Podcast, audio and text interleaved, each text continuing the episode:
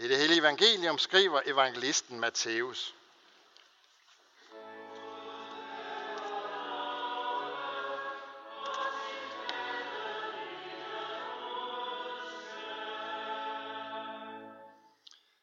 Jesus sagde, mange vil den dag sige til mig, Herre, Herre, har vi ikke profeteret i dit navn? Har vi ikke uddrevet dæmoner i dit navn? Har vi ikke gjort mægtige gerninger i dit navn? Og der vil jeg sige til dem, som det er, jeg har aldrig kendt jer. Bort fra mig, I som begår lovbrud. Derfor, en hver, som hører disse ord og handler efter dem, skal ligne en klog mand, der har bygget sit hus på klippen. Og skybruddet kom, og floderne steg, og stormene suste og ramte det hus, men det faldt ikke, for dets grund var lagt på klippen. Men enhver, som hører disse ord og ikke handler efter den, skal ligne en tåbe, der har bygget sit hus på sand. Og skybruddet kom, og floderne steg, og stormene suste og slog imod det hus, og det faldt, og dets fald var, dets fald var stort.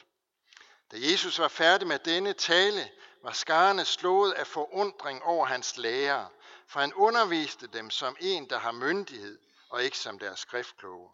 Amen. Den, som ikke vil høre, må føle. Sådan lyder et gammelt dansk ordsprog, og det passer sådan set godt, til, godt nok til teksten i dag. Vi skal lære at høre efter, det vil sige høre, og så handle efter det, vi hører. Og det gælder jo ikke mindst her i kirken, fordi det går ikke det der med at høre Guds ord, så lad det gå ind i det ene øre og så ud af det andet. Teksten til i dag, det er afslutningen af Jesu bjergprædiken. Som så mange gange bruger Jesus en lignelse for at få folkeskaren til at forstå, hvor vigtigt det er, at de retter sig efter alt det, som han har lært dem og undervist dem om, om Gud og om Guds rige. I det gamle testamente, der findes der faktisk en slående parallel til, til slutningen af bjergprædiken. Det er Moses afskedsord til Israels folk, der slutter med en tale om henholdsvis velsignelse eller forbandelse. Alt afhængig af, om man adlyder Guds ord. Hvis du adlyder Herren din Gud og omhyggeligt følger alle hans befalinger, som jeg i dag giver dig, vil Herren din Gud ophøje dig over alle jordens folk. Alle disse velsignelser skal komme over dig og nå dig, hvis du adlyder Herren din Gud. Og så kommer der en lang række af velsignelser.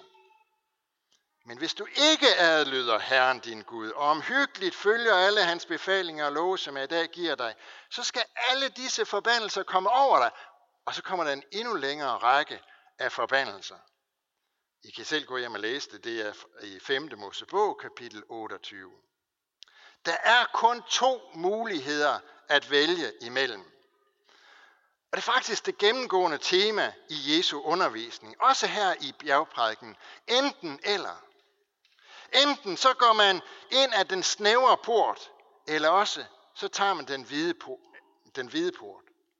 Enten så følger man den brede vej, der fører til fortabelse, eller også så finder man den trange vej, der fører til livet. Enten er man et godt træ, der bærer god frugt, eller også er man et dårligt træ, der bærer dårlig frugt. Enten bygger man sit hus på klippe, så det består, eller man bygger på sand, så det falder og forgår, når dommens stormvær kommer over det. Kort sagt, der er velsignelse med evigt liv til dem, der hører og handler efter Jesu ord, men forbandelse med fortabelse til dem, der ikke hører og ikke handler efter det ord. Det er faktisk, det, det er den røde tråd, det er det gennemgående tema i Jesu undervisning, det her. Hvad bygger du dit liv på? Hvad er det, der er dit livsgrundlag? Det er lige præcis det spørgsmål, som Jesus han vil have os til at tænke øh, alvorligt over, når han afslutter bjergprædiken med at fortælle lignelsen om de to huse.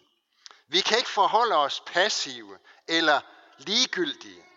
Derimod tvinges vi. Vi tvinges ind i et valg. Vi tvinges til at forholde os til det. Og det er absolut ikke ligegyldigt, hvad vi vælger.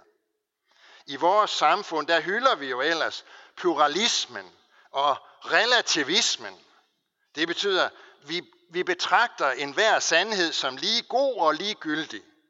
Enhver kan øh, frit vælge eller opfinde sin egen sandhed, og sådan set også sin egen religion. En hver bliver jo særlig i sin tro, for ingen sandhed er mere sand end andre, siger man. Postmodernisme kalder vi også den måde at tænke på og anskue livet på. Men sådan et livssyn, det stammer faktisk helt tilbage fra det gamle Grækenland, hvor filosoferne allerede omkring ved 400 år før Jesu fødsel diskuterede det her og diskuterede relativismen. Filosofen Protagoras var stærk fortaler for relativismen, og han fremsatte en teori, som lyder sådan. Alt, hvad man tror på, er sandt. Altså, alt, hvad man tror på, er sandt. Det var så en anden af filosoferne, Sokrates. Det var han ikke helt med på, fordi han accepterede ikke relativismen. Og derfor fandt han på en, en sætning, som kunne imødegå Protagoras. Han, han formulerer den sådan. Så, kære Protagoras, tror jeg på, at du tager fejl. Hele Jesu liv og virke, det er jo en indsigelse, en protest imod den her relativisme. Jesus han sagde jo entydigt om sig selv, som vi hørte nede ved døbefonden også. Jeg er vejen, sandheden og livet. Jeg er vejen. Og apostlene vidnede lige så klart om ham, at der ikke frelse i nogen anden end Jesus og ham alene. Bjergprædiken, det er simpelthen et stærkt kald til at følge Jesus som Guds søn og menneskers frelser. Skarerne, der stod der, der hørte Jesu prædiken, de blev, der står jo her, at de blev slået af forundring over, at han lærte dem med myndighed, deres skriftkloge. De hentede altid deres myndighed et andet sted fra, fra forskellige skrifter, fra den mundtlige tradition.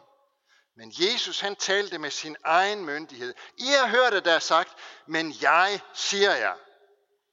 På samme måde afsluttede Jesus også sit liv her på jorden ved at sige med en enestående autoritet, mig er givet al magt i himlen og på jorden.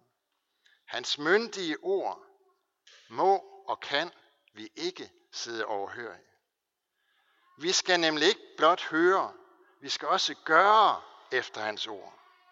Bjergprækken, det er ikke bare sådan en lang række af idealer, som vi kan se på, og som vi så kan file lidt af på, og se om vi kan øh, få til at, at passe. Det er en forkyndelse af Guds vilje øh, om, hvordan vi mennesker skal leve. Det handler om lydighed, det her. Godt nok er der ingen, der kommer i himlen på grund af lydighed, og lad os slå det fast. Der er ingen, der kommer i himlen på grund af lydighed. Men der er heller ingen, der kommer der uden lydighed. Og det glemmer vi måske samtidig. Det er også helt sikkert, at et menneskes frelse alene afhænger af Jesus. Og at menneske frelses, mennesket frelses alene ved tro på Jesus. Men det er lige så sikkert, at Guds nåde i et menneskes liv fører til, at det ønsker at leve efter Guds vilje.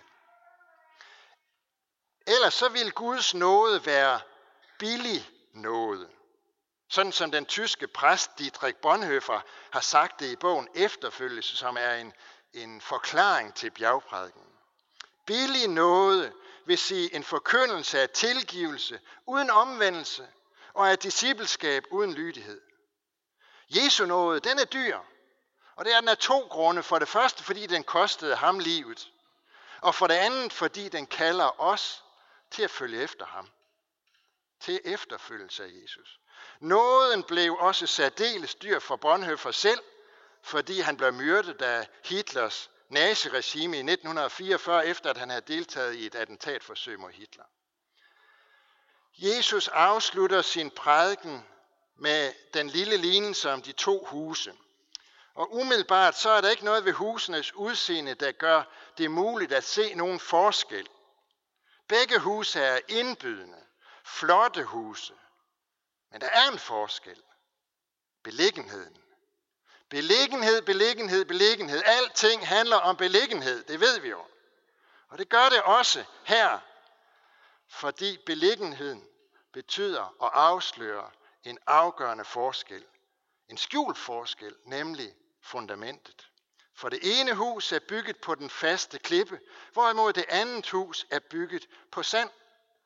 Og man kan ikke umiddelbart se forskellen, kommer, men kommer der et rigtigt uvær med en voldsom storm, så vil forskellen blive tydelig, så vil den blive afsløret uundgåeligt. Men hvis vi dykker lidt, lidt mere ned i Jesu lignelse her, så viser det sig, at det er ikke først og fremmest grundvolden, som Jesus han taler om i lignelsen. Det er faktisk mere bygmestrene og deres byggeprojekt. For det her, det handler nemlig om byggesjusk. Samtidig så, så kan man jo læse i avisen om, om byggesjusk et eller andet sted. Og når det afslører, så, så er det, sker det som regel det, at, at bygherren han slæbes øh, øh, i retten og dømmes. Her handler det også om byggesjusk, der afsløres og dømmes. Men det er ikke nødvendigt, at vi skal ud og finde en eller anden bygmester og slæbe ham i retten. For det er dig og mig. Det er dig, der er bygmesteren. Du er manden eller kvinden. Det er også det handler om. Dit eget livs bygmester. Og så er spørgsmålet, hvad bygger du dit liv på? Er det sand, eller er det klippe? Den storm, der afslører, hvad huset er bygget på, det er ikke bare sådan lidt regn og torden, som vi har oplevet det her igennem sommeren. Nogle byer, der kommer.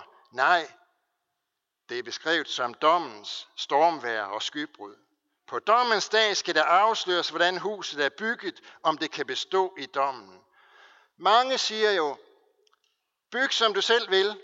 Det gælder bare om at iscenesætte, at enhver selv iscenesætter sit liv, sit eget byggeprojekt. Byg så flot og så fint og så idérigt som du kan. Det skal nok bestå. Lad være med at tænke for mig over det. Men Jesus han siger noget andet til os. Han siger noget andet i dagens evangelium. Han siger, at det er ikke ligegyldigt, hvordan vi bygger. For det er ikke et hvert hus, der kan bestå. Alt er ikke relativt. Der er forskel på sand og klippe. Hvad der er bygget på sandet falder, hvad der er bygget på klippen består. Det gælder om at have klippegrund under fødderne, og klippegrunden, hvad er det så? Ja, det er Jesus. Den, der bygger på ham, kaldes en klog mand, hvorimod manden, der bygger på sand, kaldes en tåbe. Når man hører og handler efter Jesu ord, så er man klog. Det er det, som Jesus han siger til os. Gør man ikke efter Jesu ord, ja, så er man en tåbe. At tro, at tro på Jesus Kristus, det er at tage Jesus på ordet og følge ham, og så gøre efter, hvad han siger. Med den her alvorlige lignelse om de to husbyggere, der har Jesus så afsluttet sin bjergprædiken. Det er ord, der ryster os lidt. Det bør de i hvert fald gøre. Vi kan ikke sådan bare ryste dem af os og så gå ud til endnu en dejlig sommersøndag, selvom det regner lidt en smule i dag. Hvorfor nu ikke det? Fordi de er talt af ham, som har alt magt og myndighed. Evangeliet, det kalder os til at vælge ham og følge ham, og så lad alt vort eget fare, for intet menneske kan selv skabe en klippegrund, en fast grund for sit liv. Når vi bygger vores liv på det grundlag, som vi selv kan skabe, så, så, så vil det gå ligesom når man øh, bygger sandslotte ved stranden en sommerdag. De kan se vældig fine ud. Nogle af dem nogle er bedre til at bygge end andre. Det kan være så fint og idérigt og imponerende det hele. Men uanset hvor fint og hvor smukt og hvor stort man bygger, så kommer det ikke til at stå ret længe. Vores egne prægtige sandslotte, de falder sammen. På dommens dag bliver indtil da alt vort eget stående. Kun ham, der er vejen, sandheden og livet, bliver stående. Og derfor gælder det om at bygge på ham og følge ham, fordi det er ham, der kan bære gennem dommen og igennem døden. Så kan vi her til sidst spørge, hvordan gør vi så det, for at det hele ikke bare skal blive sådan nogle tomme ord, nogle floskler, som vi står og siger her i kirken? Det gør vi ved at leve vores liv i tro på, at det, det der er fundament for mit liv, mit liv, mit lykke, mit liv med Gud, min frelse, min evighed, det er ikke noget, som jeg selv kan skabe. Det er noget, som jeg får givet af en anden. Jeg får det givet af Jesus. Jeg har fået det allerede i min dåb. Ligesom Julius og Malte fik det i dag. Jeg har fået det ved, at jeg er kommet til at høre sammen med Jesus. Det var nemlig det, der skete den dag. Jeg kom til at høre sammen med ham. Det skete for Julius og for, for Malte lige for lidt siden. Der blev tegnet et kors for deres ansigt og for deres bryst, som et tegn på, hvem er det, de nu kommer til at høre sammen med. Sådan blev det også gjort ved mig.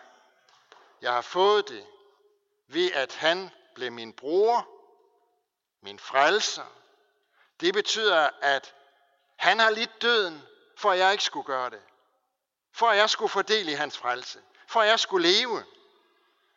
Det er derfor, at det fundament holder, også gennem døden. Det fundament er nemlig ikke noget, der kan nedbryde. Heller ikke døden. Så kan vi passende slutte med en lille bøn, som vi kan læse i det gamle testamente, hvor det lyder sådan, Herre, vær min tilflugtsklippe, den borg, hvor jeg finder redning, for du er min klippe og min borg. Amen. Vi lover og priser og takker dig, vor Gud, Far, Søn og Helligånd, du som var, er og bliver en sand treenig Gud, højlovet fra første begyndelse nu og i al evighed. Vi takker dig for dit ord til os og for din kirke på jorden. Vi beder for din menighed her ved Herning Kirke, lad ordet bære frugt.